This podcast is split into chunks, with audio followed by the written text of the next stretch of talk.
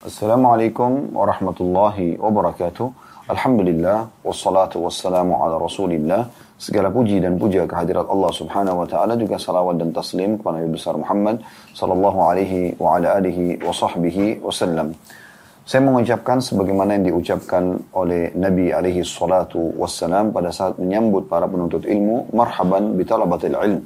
Selamat datang para penuntut ilmu teman-teman yang bergabung bersama kami live di seluruh medsos. Semoga Allah subhanahu wa ta'ala mengikhlaskan niat anda semuanya dan juga mengikhlaskan niat kami yang menyampaikan.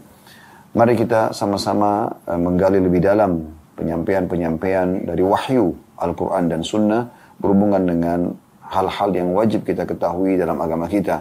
Dan insya Allah kita masih dalam bab yang sama dari kajian kitab Riyadus Salihin uh, yang ditulis oleh Imam Nawawi rahimahullah dalam bab 68 bab sikap wara dan menghindari syubhat. Dan sudah kami jelaskan di awal memaparkan tentang mak makna daripada judul ini. Wara artinya menjaga kesucian hubungan dengan Allah subhanahu wa ta'ala. Bagaimana seseorang muslim atau mukmin berusaha semaksimal mungkin untuk tidak melanggar apa yang telah Allah larang dan juga mereka berusaha memaksimal maksimal mengerjakan apa yang Allah perintahkan. Dan juga Eh, penyempurnaan wara itu dengan meninggalkan hal-hal yang syubhat. Makanya di sini Imam Nawawi rahimahullah mengatakan bab sikap wara dan syubhat. Jadi apa pun yang meragukan bagi seorang muslim atau mukmin maka dia segera meninggalkan sampai jelas hukumnya boleh atau tidaknya. Kita akan masuk teman-teman sekalian lanjutan bahasan kita yaitu hadis nomor 597. 597. Saya langsung bacakan dari Abu Sirwa'a dengan sin di kasrah dan boleh juga dibaca fathah Sarwa'a atau Sarwa'a. Uqbah bin Al-Harith radhiyallahu anhu annahu tazawwaja ibnatan li Abi Ihab bin Aziz فأتته امرأة فقالت إني قد أرضأت عقبة والتي قد تزوج بها فقال له عقبة ما أعلم أنك أرضأتيني ولا أخبرتيني. فركب إلى رسول الله صلى الله عليه وسلم بالمدينة فسأل فقال رسول الله صلى الله عليه وسلم كيف وقد كيل؟ ففارقها عقبة ونكحت زوجا غيرها atau غيره. hadis ini diriwayatkan oleh Bukhari. Terjemahannya bahwa Uqbah bin Al-Harith radhiyallahu anhu menikahi putri Abu Ihab bin Aziz. Lalu datanglah seorang wanita tiba-tiba mengatakan, Sesungguhnya saya telah menyusui Uqbah dan juga wanita yang telah dia nikahi itu. Maka Uqbah berkata kepadanya, saya tidak mengetahui kalau engkau telah menyusuiku dan engkau juga tidak memberitahukan tidak memberitahu tidak memberitahukanku. Uqbah lalu segera menunggangi kendaraannya dari Mekah menuju ke Rasulullah SAW di Madinah untuk menanyakan hal tersebut. Maka beliau SAW bersabda, bagaimana lagi? Itu sudah dikatakan. Maka Uqbah pun menceraikannya dan perempuan itu kemudian menikah dengan laki-laki lain. Hadith ini, teman-teman sekalian dimasukkan oleh Imam Nawawi rahimahullah dalam bab sikap wara. Bagaimana menjaga kesucian hubungan dengan sang pencipta Allah. Artinya sangat hati-hati sekali apa yang dihalalkan, dinikmati, apa yang diperintahkan, dikerjakan, apa yang tidak boleh, maka dijauhi. Bukan cuma sekedar haram, syubhat pun belum jelas maka akan dijauhi. Karena memang penting sekali untuk memahami kandungan daripada kejadian ini. Kita berikan gambaran global. Uqbah ibn Harith radhiyallahu anhu seorang sahabat yang mulia tinggal di kota Mekah dan beliau termasuk ya orang-orang yang di tentu karena sahabat Nabi orang-orang yang udul ya, yang terpercaya dan adil ya, dan terbukti dari sikap beliau dalam riwayat ini. Satu waktu Beliau menikah dengan seorang wanita, tapi di sini tidak disebutkan namanya, tapi anak daripada Ihab bin Aziz radhiyallahu anhu majma'in ini sahabat Nabi juga. Setelah menikah, ya, untungnya oleh saat itu belum sempat disentuh, lalu tiba-tiba saja ada seorang wanita datang mengatakan, sesungguhnya engkau hai Uqbah, pengantin yang merupakan tokoh kita dalam riwayat ini, dan istrimu sekarang, dua-duanya pernah saya susuin. Artinya kalian saudara susuan gitu. Maka Uqbah bilang, kenapa kau tidak memberitahukanku? Artinya kenapa kau tidak bilang dari awal, kalau aku ini pernah kamu susui, ini juga yang sekarang jadi istriku, engkau pernah susuin, kenapa tidak diinformasikan? Dia bilang, sekarang saya beritahukan.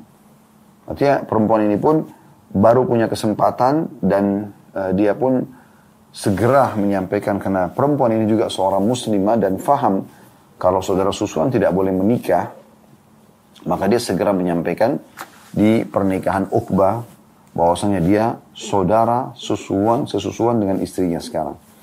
Maka karena waraknya Uqbah radhiyallahu anhu, beliau langsung tanpa tunggu menunggangi kudanya lalu menuju ke kota Madinah. Perlu teman-teman ketahui, jarak kota Madinah sama Mekah sama Madinah ini 416 kilo kurang lebih sekarang ya, jaraknya. Dan zaman sekarang mungkin kalau orang menggunakan bus itu bisa 6, 5, 6 jam ya perjalanan. Kalau zaman dulu menunggangi kuda itu bisa 2 sampai 3 hari ya. Cukup lama gitu perjalanan. Tapi karena inginnya mengetahui tentang hukum ini, dan zaman dulu tidak ada juga alat komunikasi seperti kita sekarang, mudah sekali untuk telepon misalnya atau WA, atau mungkin melalui media-media yang lain, maka dia pun langsung menuju ke Madinah untuk menanyakan tentang hukum ini. Setelah disampaikan kepada baginda Nabi alaihi salatu wassalam, maka beliau mengatakan, apa yang bisa kita lakukan setelah ternyata ada orang yang memberikan pengakuan terhadap hal tersebut, ya.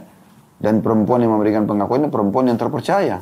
Memang dia terkenal di kota Mekah sering menyusui bayi-bayi orang Mekah. Maka Uqbah pun akhirnya menceraikan perempuan tersebut dan dia perempuan itu menikah dengan laki-laki lain. Dari riwayat ini teman-teman sekalian kita ambil banyak sekali pelajaran. Yang pertama, bagaimana ya sikap warak dan berhati-hati dari syubhat oleh oleh sahabat Nabi Uqbah bin Harith radhiyallahu anhu. Sahabat Nabi yang mulia ini tidak tergesa-gesa ya untuk segera menggauli istrinya, menunda misalnya menanyakan hukumnya kepada Nabi SAW, nikmatin dulu, nanti baru ditanyakan, toh juga sekarang sudah menikah. Tapi beliau saking hati-hatinya, jangan sampai ini yang dia lakukan adalah perbuatan haram, maka dan ini sekarang membuat dia ragu, dia segera saja menanyakan hukum kepada Nabi SAW. Ini sikap waraknya di sini, ya. Bagaimana beliau hati-hati sekali. Jadi kalau ada makanan teman-teman sekalian, ada minuman, ada pekerjaan, ada apa saja ya pendapatan yang tidak jelas, maka harus Anda dahulukan sikap wara Anda. Jadi jangan tergesa-gesa menikmatinya selama itu bukan hak Anda, belum jelas gitu kan. Ada orang bahkan subhanallah mungkin orang salah transfer. Dia pikir itu adalah sebuah bonus, langsung saja dia yang menikmati uang orang lain. Ya, padahal sebenarnya itu bukan punya dia. Kalau itu jelas bukan punya kita atau minimal kita ragu, maka tinggalkan. Ya. Nah ini yang dimaksud dengan sikap warak yang merupakan bahasan atau inti bahasan daripada bab kita ini. Yang kedua, adanya hukum ya uh, susuan, saudara susuan ya. Dan ini dalam Islam kalau seandainya saya misalnya disusui pada saat bayi oleh seorang ibu tetangga, orang tua saya, sampai lima kali dan saya kenyang, maka saya menjadi anak susuan beliau. Dan ini tidak masuk dalamnya orang kalau cuma satu atau dua kali isapan susu saja. Yang misalnya cuma menenangkan bayi, tapi memang dia minum sampai dia kenyang, bahkan sampai lima kali. Dan di saat itulah baru terjadi saya menjadi anak susuan beliau. Maka ibu itu akan menjadi mahram saya selamanya, begitu juga anak-anak perempuan beliau. Dan itu berlaku saya kepada anak-anak ibu tersebut. Tapi anak-anak ibu tersebut tidak berlaku pada saudara-saudara saya. Hanya saya saja. Nah ini adalah hukum tersendiri dalam Islam. Hukumnya sama dengan saudara kandung, ya walaupun dia hanya saudara susuan. Jadi makanya tidak boleh teman-teman sekalian seorang muslimah karena kebetulan dia punya ASI yang banyak misalnya lalu dia donorkan. Kan sekarang ada tuh beberapa klinik-klinik menerima donor ASI.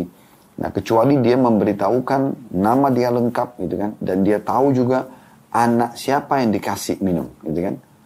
Karena itu menjadi saudara susuan. Jadi jangan sampai klinik ini Eh, memberikan kepada 20-30 bayi gitu kan karena banyaknya ASI tersebut dan tiap hari dia nyumbang pagi sore misalnya maka jadi banyak sekali anak susuan dia.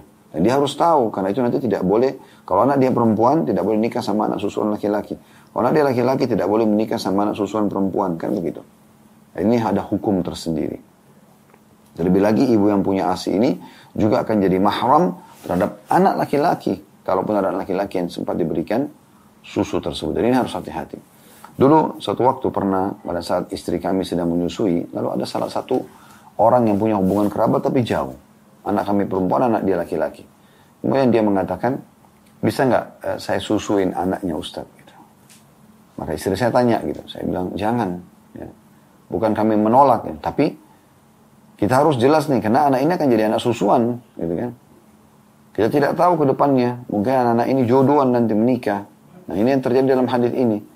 Kalau ternyata saudara susuan harus dibatalkan pernikahannya, kan gitu. Jadi selama kita tidak membutuhkan untuk menyusui anak orang lain, maka sebaiknya jangan gitu. Atau kalau kita mau, maka tadi sudah kami jelaskan harus ada uh, kesepakatan tertentu. Artinya jelas kita siapa, jel, status kita, nama kita, uh, dan juga jelas bayi yang diberikan ASI tersebut. Baik pelajaran yang ketiga yang bisa diambil adalah haramnya menikah antara saudara susuan. Sebagaimana haramnya menikah antara seseorang dengan mahramnya. Dengan mahramnya. Kayak tidak boleh Eh, seorang laki-laki menikah sama adik perempuannya atau kakak perempuannya atau sama tantenya atau sama ibunya. Ini sama hukumnya dengan saudara susuan walaupun itu orang yang berbeda. Ya. Di sini kita lihat kasusnya Uqbah radhiyallahu anhu Uqbah dengan istrinya sekarang bukan satu keluarga. Terbukti mereka menikah, gitu kan? Mereka bukan mahram. Tapi ya, karena pernah disusui, orang tuanya pernah serahkan ke satu ibu yang punya sumber susu, yang dia susui banyak orang, akhirnya Uqbah sama wanita ini ternyata diingat oleh ibu tersebut pernah disusui bersama-sama. Jadi saudara susuan walaupun beda orang tua. Gitu. Maksudnya walaupun uh, uh, beda ya keluarga. Nah, seperti itulah. Kemudian yang terakhir adalah uh, wajibnya seseorang itu yang meninggalkan hal yang syubhat, apalagi kalau sudah jelas hukumnya, sebagaimana di sini Nabi SAW memerintahkan Uqbah untuk menceraikan istrinya. Maka Uqbah pun tanpa ragu menceraikan dan setelah itu wanita itu menikah dengan laki-laki lain. Nah, ini pelajaran yang bisa kita ambil dari hadis yang mulia ini. Baik, kita lanjut langsung ke hadis 598 dari Al Hasan ibn Ali radhiyallahu anhuma. Beliau dan ayahnya dua-duanya sahabat. Beliau berkata, saya hafal dari Rasulullah SAW, Da' ma yaribuka ila ma la yaribuk. Tinggalkanlah apa yang membuatmu ragu dan beralihlah kepada yang tidak membuatmu ragu. Hadis ini diriwayatkan oleh Tirmidzi dan beliau mengatakan hadis ini hasan sahih. Di sini maknanya kata Imam Nawawi rahimahullah, tinggalkanlah apa-apa yang Anda ragukan dan ambil sesuatu yang tidak Anda ragukan.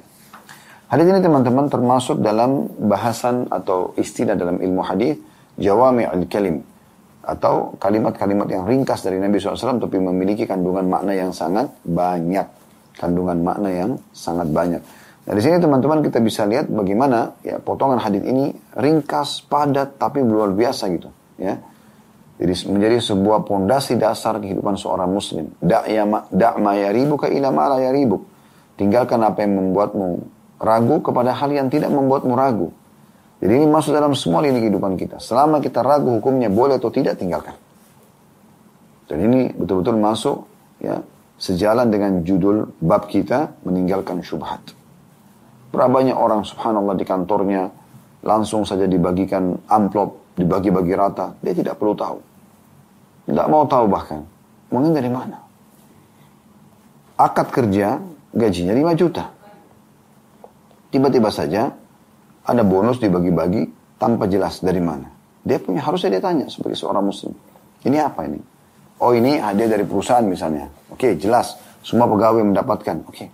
Tapi kalau misalnya ada orang yang sogok, kemudian atasan Anda, karena dia tidak mau sendirian nanti kalau ditelusuri secara hukum, apakah hukum agama atau hukum pemerintah, sehingga nanti dia bisa kena hukuman gitu kan, maka dia libatkan bawahan-bawahannya banyak terjadi di perusahaan, akhirnya dia bagi-bagi dan para anggota atau staf perusahaan tersebut kena merasa mendapatkan bonus gaji cuma 5 juta per bulan atau 10 juta per bulan kemudian dia dapat amplop isinya 5 juta gitu kan gratis bagi dia. Ya udah dipakai aja. Dan ini berbahaya. Pendapatan haram akan mendatangkan banyak mudarat. Akan mendatangkan banyak mudarat. Nah mudarat-mudaratnya ini berbahaya sekali. ya Mudaratnya ini, bahayanya itu ya, efeknya sangat luar biasa. Ya. Karena efek-efek ini akan mendatangkan ya hal-hal yang negatif dalam kehidupan. Seperti misalnya penyakit ya dari pendapatan haram, ributnya rumah tangga itu sendiri. Lahirnya anak-anak yang cacat atau anak-anak yang malah durhaka. Nah ini semua rentetannya karena harta-harta haram. Lalu kenapa anda mau nikmati hal-hal tersebut? Dia hanya gambarannya seakan-akan kuantitasnya, oh banyak nih saya dapat sekian ratus juta, sekian puluh juta. Ya. Makanya dia syubhat. Jadinya dia haram. Kita sudah jelaskan di hadis pertama dalam bab kita ini. Itu hadis tentang antara halal sama haram ada yang hal yang syubhat. Dan siapa yang menjerumuskan diri pada yang syubhat maka dia terjerumus pada yang haram. Ya. Jadi nggak boleh dibiarkan. Apa pun yang anda ragu, jangan dinikmati. Ya. Ini poin penting. Apalagi kalau anda sudah tahu kalau itu haram. Ya. Jangan bilang, ah saya tidak mau tahu ah, ya, supaya tetap bisa dinikmati. Nggak bisa. Sebagai seorang muslim harus jeli. Ya. Baik, jadi hari ini kita ambil pelajaran tentang sikap warak seorang mukmin dalam selalu jeli kepada menikmati dan juga melaksanakan atau melakukan ya, sebuah fasilitas sebuah kegiatan yang sudah jelas bolehnya. Selama dia ragu maka tidak boleh dia kerjakan. Kita masuk ke hadis 599 dari Aisyah radhiyallahu anha beliau berkata, "Kana li Abi Bakr kana li Abi Bakr Siddiq radhiyallahu anhu gulamun yukhriju lahu al-kharaj." Wa kana Abu Bakar ya'kulu min kharajihi faja'a yawman bi syai' فأكل منه أبو بكر فقال له الغلام تدري ما هذا فقال أبو بكر وما هو؟ قال كنت تكهنت لإنسان في الجاهلية وما أحسن الكهانة إلا أني خضأته فلكيني فأعطاني لذلك. هذا الذي أكلت منه. فأدخل أبو بكر يده فقاء فقاء, فقاء كل شيء في بطنه. Hadis ini diriwayatkan oleh Bukhari. Abu Bakar Siddiq radhiyallahu anhu memiliki seorang budak yang bekerja untuk menghasilkan kharaj, bekerja pendapatan ya. Dan Abu Bakar makan dari hasil itu. Suatu hari dia datang dengan membawa sesuatu, makanan dari hasil kerjanya. Lalu Abu Bakar memakan sebagiannya, maka pelayan itu berkata kepadanya, Apakah anda mengetahui dari mana sumbernya ini? Abu Bakar mengatakan, dari mana? Dia berkata, dulu pada masa jahiliyah, saya melakukan praktik perdukunan untuk seseorang, padahal saya tidak tahu tentang perdukunan. Saya hanya menipunya.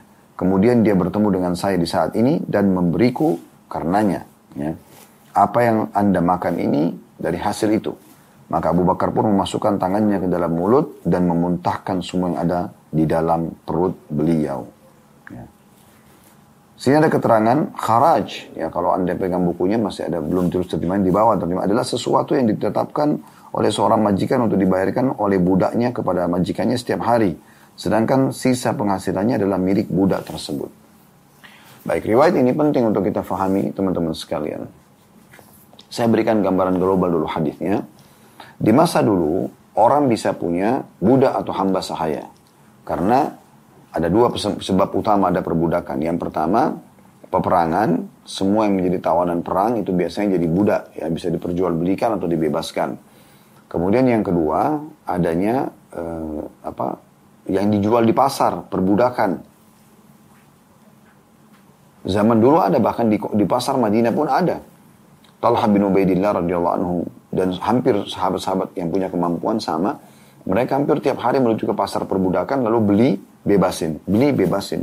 Kalau Talha radhiyallahu saya yang saya ingat dalam uh, biografi beliau itu beliau setiap hari membeli 36 budak, 36 orang dibeli lalu dibebaskan. Anda tahu Bilal radhiyallahu anhu ya, beliau seorang budak Umayyah bin Khalaf dan ditebus oleh ya, Abu Bakar radhiyallahu anhu. Ya, kemudian juga ada banyak sahabat-sahabat Nabi yang lain ya. ya Suhaib Rumi ya. Dan yang lainnya cukup banyak. Kemudian juga di Madinah ada Salman Al-Farisi ya radhiyallahu anhu.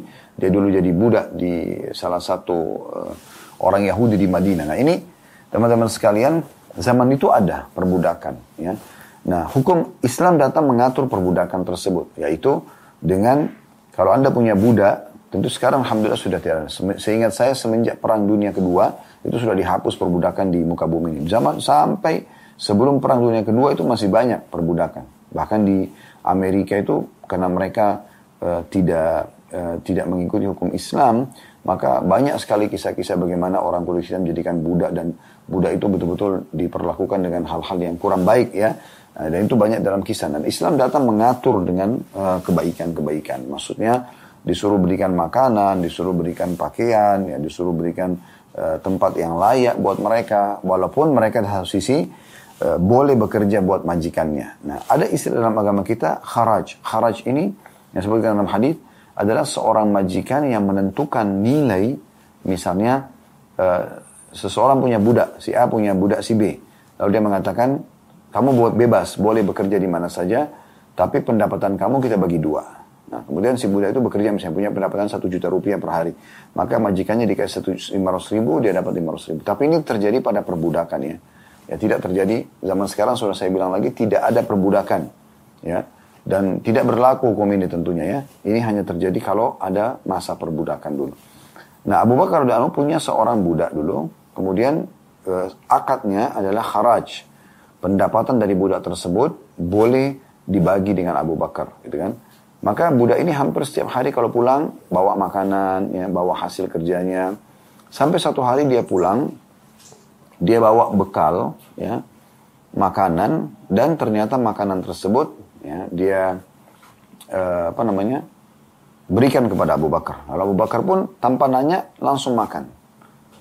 Dalam proses makan untuk sudah selesai, budak ini mengatakan, apakah anda tahu dari mana sumber hari ini? Maka dia mengatakan tidak. Ya, biasanya sih Abu Bakar tradisinya selalu nanya dari mana sumbermu. Hari itu Abu Bakar tidak nanya lagi. Subhanallah. Lalu kemudian budak itu mengatakan, apakah anda tahu dari mana sumber ini?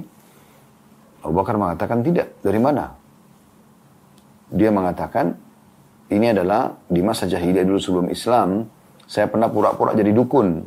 Kemudian saya pernah e, didatangi oleh seseorang konsultasi dan pada saat itu dia belum punya uang. Sepakatlah kami dengan jumlah tertentu. Kemudian dia pergi. Sekarang saya sudah masuk Islam dia pun sudah masuk Islam. Dia mengingat kalau dia punya utang dulu maka dia berikan kepada saya. Saya pun mengambilnya dan saya ya kemudian membeli makanan ini. Tanpa banyak berpikir ya. Tanpa pikir panjang lagi Abu Bakar langsung spontan mengorek mulutnya dan memuntahkan semua makanan yang syubhat tadi ya. Karena dari pendapatan perdukunan ya.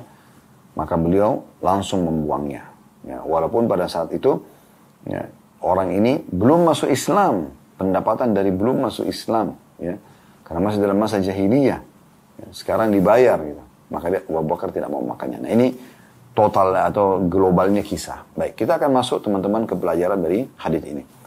Pelajaran yang pertama adalah adanya hukum perbudakan atau bagaimana Islam mengatur perbudakan dalam Islam dan sudah kami jelaskan tadi berikut kharajnya ya atau pendapatan budak yang bisa dibagi dengan majikannya.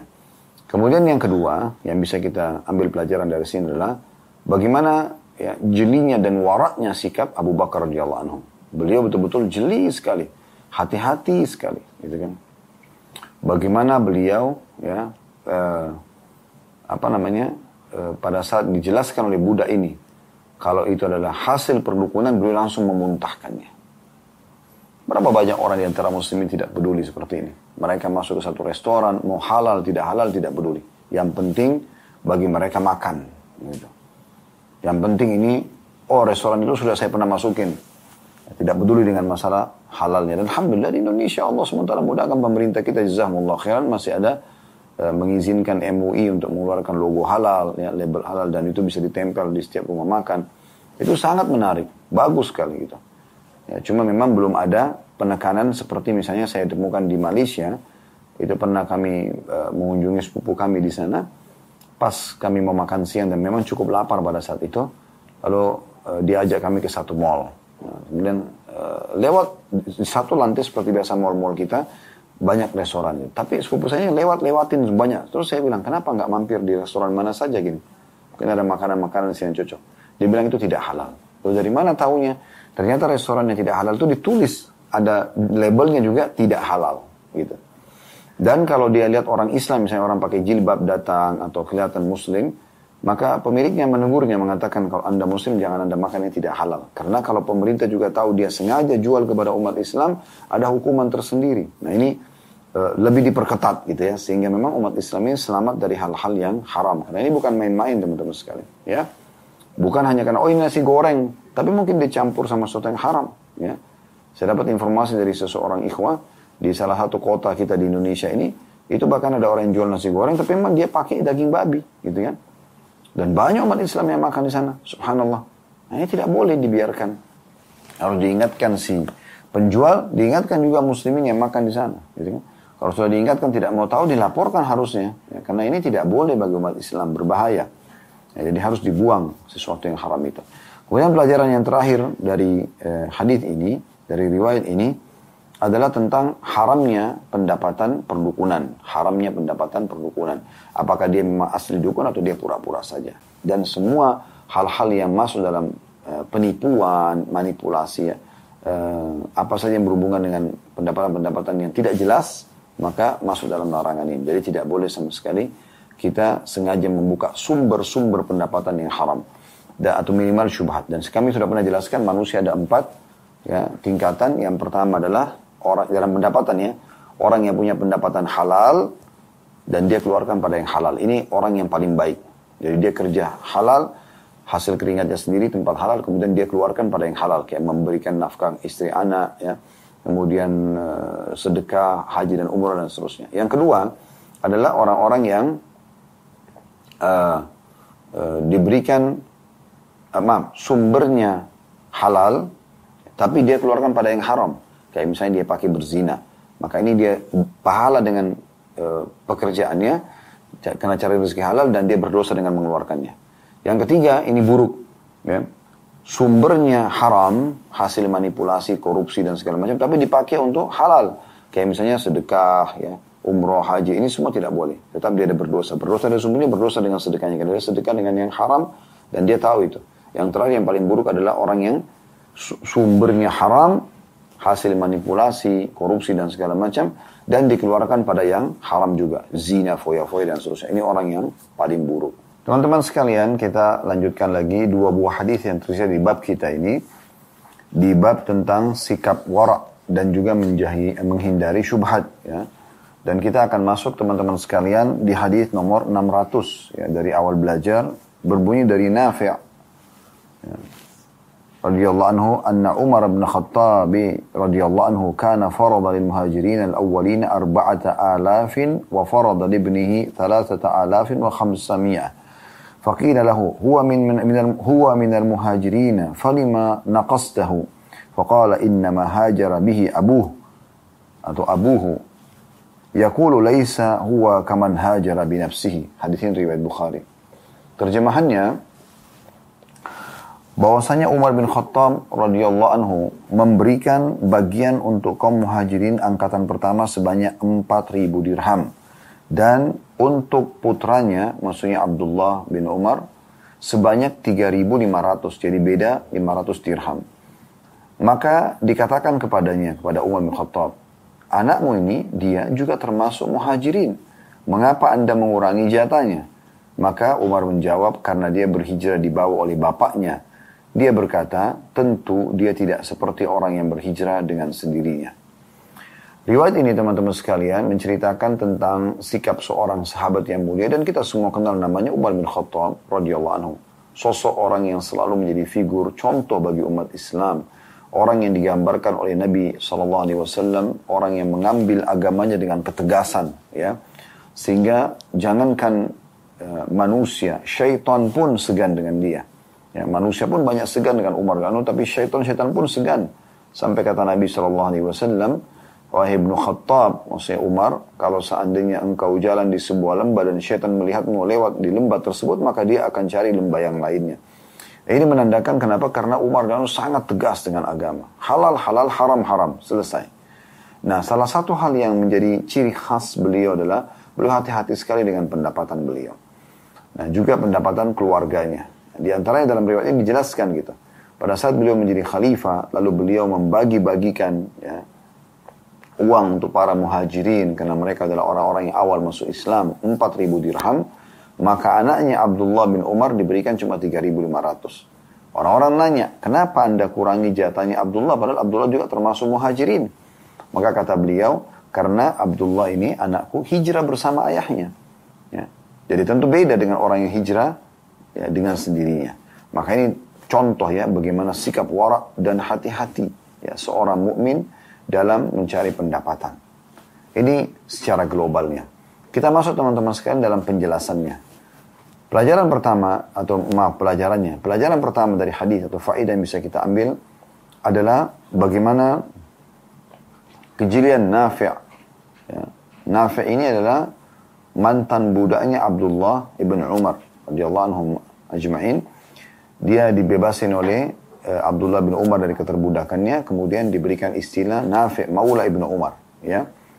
Dan ini uh, orang yang sangat cerdas selalu menyampaikan uh, tentang majikannya atau Abdullah yang memang sangat jeli dalam uh, menerima dan juga memahami serta mengamalkan hadis-hadis Nabi Shallallahu Alaihi Wasallam sampai ulama-ulama uh, hadis mengatakan termasuk sanat emas ya jalur emas kalau uh, diriwayatkan dari Malik Imam Malik salah satu dari empat imam madhab dari Nafi dari Abdullah bin Umar karena ini luar biasa gitu sanatnya Nah, Nafi ini adalah seorang budak yang betul-betul mengambil manfaat dari majikannya dengan belajar sehingga ia menjadi ulama yang muslimin walaupun dia adalah mantan budak ya. Di sini kejelian dia, dia menyampaikan tentang riwayat ini. Dia menyampaikan tentang riwayat ini dan dia juga tidak langsung menyampaikan apa yang Umar sampaikan, tapi dia menceritakan historinya. Bagaimana Umar bin Khattab satu waktu pernah membagi-bagikan uang untuk para muhajirin awal 4000 dirham, lalu kemudian anaknya Abdullah disendirikan atau dikurangi 500 dengan pertimbangan waktu ditanya kenapa anda kurangi? Padahal anak anda juga muhajir karena dia berhijrah sama ayahnya. Artinya dia tidak keluarkan biaya apa-apa ayahnya semua yang urus. Maka dikurangi pendapatannya nah ini pelajaran pertama adalah bagaimana kejelian Nafi' dalam menyampaikan tentang kisah ini dan siapa dia sebenarnya sudah kita jelaskan tadi dia adalah Maula Abdullah bin Umar dan istilah Maula diberikan bagi budak yang dibebaskan ya uh, karena Allah Subhanahu wa taala ya. Jadi kalau Anda punya seorang budak, Anda mengatakan kau bebas karena Allah, misalnya nama dia Ahmad, nama Anda Yusuf, maka dikatakan Ahmad Maula Yusuf. Yang kedua adalah bagaimana ya, eh, dalam Islam dibolehkan untuk membagikan pendapatan kepada orang-orang yang dianggap punya jasa besar dalam Islam. Ya. Di sini Umar bin Khattab memberikan para muhajirin yang awal-awal masuk Islam di Mekah setelah Islam Allah SWT berikan kekayaan, ya, kemenangan di zaman khilafahnya Umar luar biasa gitu ya, kemenangan yang Allah berikan dan harta melimpah sekali.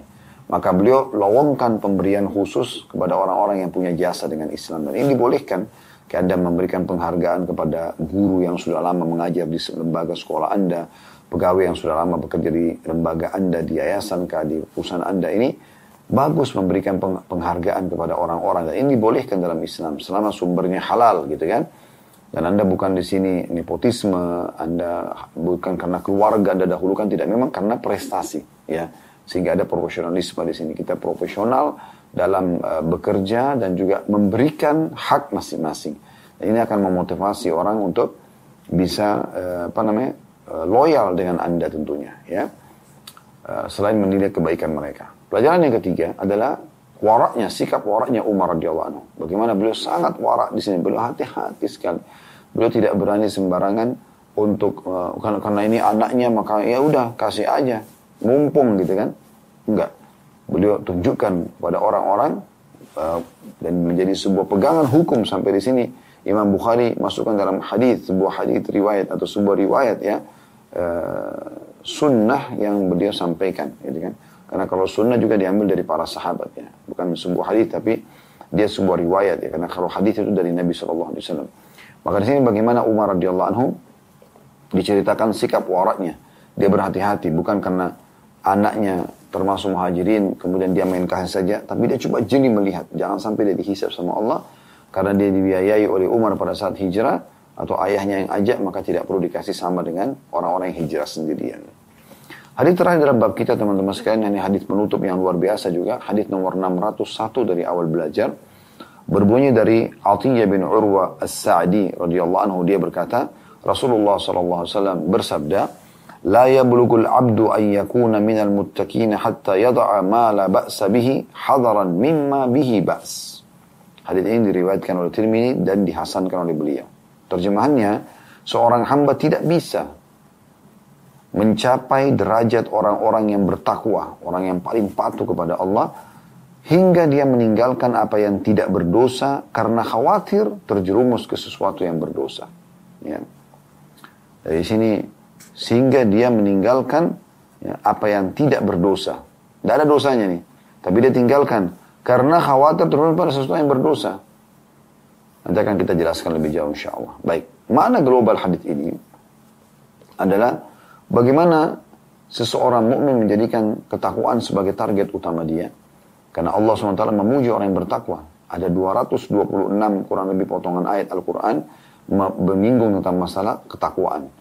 Tapi di antaranya adalah uh, orang bertakwa akan diberikan jalan keluar ya, dalam permasalahan dia berikan rezeki dari tempat tidak disangka-sangka. Dalam surah At-Talaq surah nomor 65 ayat 2 ayat 3 ayat 4 ayat 5 empat ayat ini semua dijelaskan tentang masalah takwa wa may yattaqillaha makhraja. Orang yang bertakwa Allah berikan makhraja jalan keluar dari permasalahannya. Wa yarzuqhu min haitsu la yahtasib diberikan rezeki dari tempat tidak disangka-sangka. Gitu kan? Kemudian di ayat keempatnya wa may yattaqillaha min amri yusra. Orang yang bertakwa kepada Allah akan dimudahkan segala urusannya dan ayat kelimanya wa may yattaqillaha yukaffir anhu sayi'ati wa yu'dhim lahu ajra Siapa yang bertakwa kepada Allah, Allah akan hapuskan dosa-dosanya dan Allah akan lipat gandakan balasannya. Ya. Jadi di sini ya, Allah akan lipat gandakan balasan pahala maksudnya. Uh, kenikmatan yang akan diberikan. Maka ini keutamaan yang luar biasa. Nah, derajat ini tidak bisa dijangkau. Derajat ketakwaan, ya, yang Allah puji mereka, Allah berikan fasilitas kepada mereka, kecuali seseorang itu meninggalkan perbuatan yang tidak berdosa. Misalnya makan, minum, tidur, kan mubah-mubah sebut tidak ada dosanya. Gitu kan? Untuk kumpul ngobrol sama teman-teman tidak ada dosanya.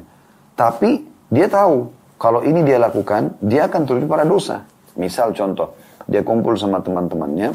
Teman-temannya ini mungkin awalnya ngobrol biasa tidak dosa. Tapi dia tahu kalau dia lanjut sama mereka ini karena mereka ini orang-orang yang fasik jauh dari agama pasti akan bicara tentang diskotik bar zina dan segala macam. Maka dia tahu kalau dia duduk di sana dia akan terpengaruh. Tapi dia bilang nggak apa-apa deh duduk. Nah kalau dia bilang tidak apa-apa dia duduk padahal dia tahu bisa terjun pada yang haram nantinya maka dia berarti tidak sampai pada derajat takwa itu ya. Jadi harus hati-hati. Nah ini menandakan memang sesuatu yang bisa membawa saja pada hal yang ya haram nantinya tidak boleh ya. Misalnya makan minum halal ya. Tapi kalau berlebihan sampai berjam-jam duduk makan 3 jam 5 jam 10 jam ya Kenapa saya katakan sebelumnya mungkin Anda bilang oh, tidak ada orang makan seperti jam Mungkin dia lakukan perjalanan. Ada orang cinta kuliner sampai naik mobil berapa jam, 4-5 jam pergi makan, habis itu balik lagi, gitu kan. Kan kadang-kadang dia kayak seperti membuang waktu, kecuali dia punya pekerjaan lain. Memang dia lagi mau rekreasi juga sekalian, mungkin beda. Tapi kalau khusus untuk pergi makan, pulang. Ada orang-orang keluar dari kantor nih, dia punya akad kerja. Dia cuma istirahat satu jam saja, jam 12 sampai jam 1 siang misalnya. Tapi dia keluar dari jam 12 dia keluar pergi restoran, pulang nanti jam 3. Ya. Dia mengambil waktu kerjanya karena dia pikir pengawas tidak ada hari ini atau HRD tidak peduli atau atau. Ini kan jadi terjerumus pada yang haram karena dia nanti akan punya pendapatan haram karena dia mencuri waktu yang dia punya akad harusnya dia bekerja. Kan begitu. Nah, ini tidak boleh. Anda misalnya menonton ceramah di pekerjaan. Bagus nggak? Bagus. Tapi itu Anda boleh kerjakan di waktu istirahat. Kalau di waktu kerja nggak boleh, karena akad Anda adalah bekerja, bukan dengar ceramah. Nah ini penting. Ya. Kecuali pemilik perusahaan mengizinkan Anda misalnya. Apalagi kalau Anda main game, apalagi kalau Anda main tonton-tontonan yang haram. Tambah nggak boleh karena akad Anda bukan untuk itu. Selain itu dosa juga akad Anda. Jadi ini mungkin ada hal-hal yang dianggap boleh, tapi karena bisa membawa pada yang haram, maka ditinggalkan. Nah ini luar biasa. Ini berarti menandakan kejelian seorang mukmin. Kalau halal pun atau mubah pun ternyata setelah kita kerjakan nanti bisa membawa pada yang haram, maka tinggalkan. Dengan kita tinggalkan kita akan sampai pada tingkat derajat orang-orang yang bertakwa. Baik, ini adalah makna global daripada hadis supaya mudah difahami. Sekarang kita masuk ke faedah hadis. Faedah yang pertama dari hadis adalah bagaimana eh, takwa itu adalah level tertinggi yang harusnya dikejar oleh setiap orang-orang yang beriman. Karena memang Allah memuji. Orang Allah mencintai orang-orang yang bertakwa ya. Uh, kemudian juga Allah Subhanahu wa taala mengatakan wasari'u ila magfiratin min rabbikum. Ini dalam surah uh, surah Al-Qur'an ya.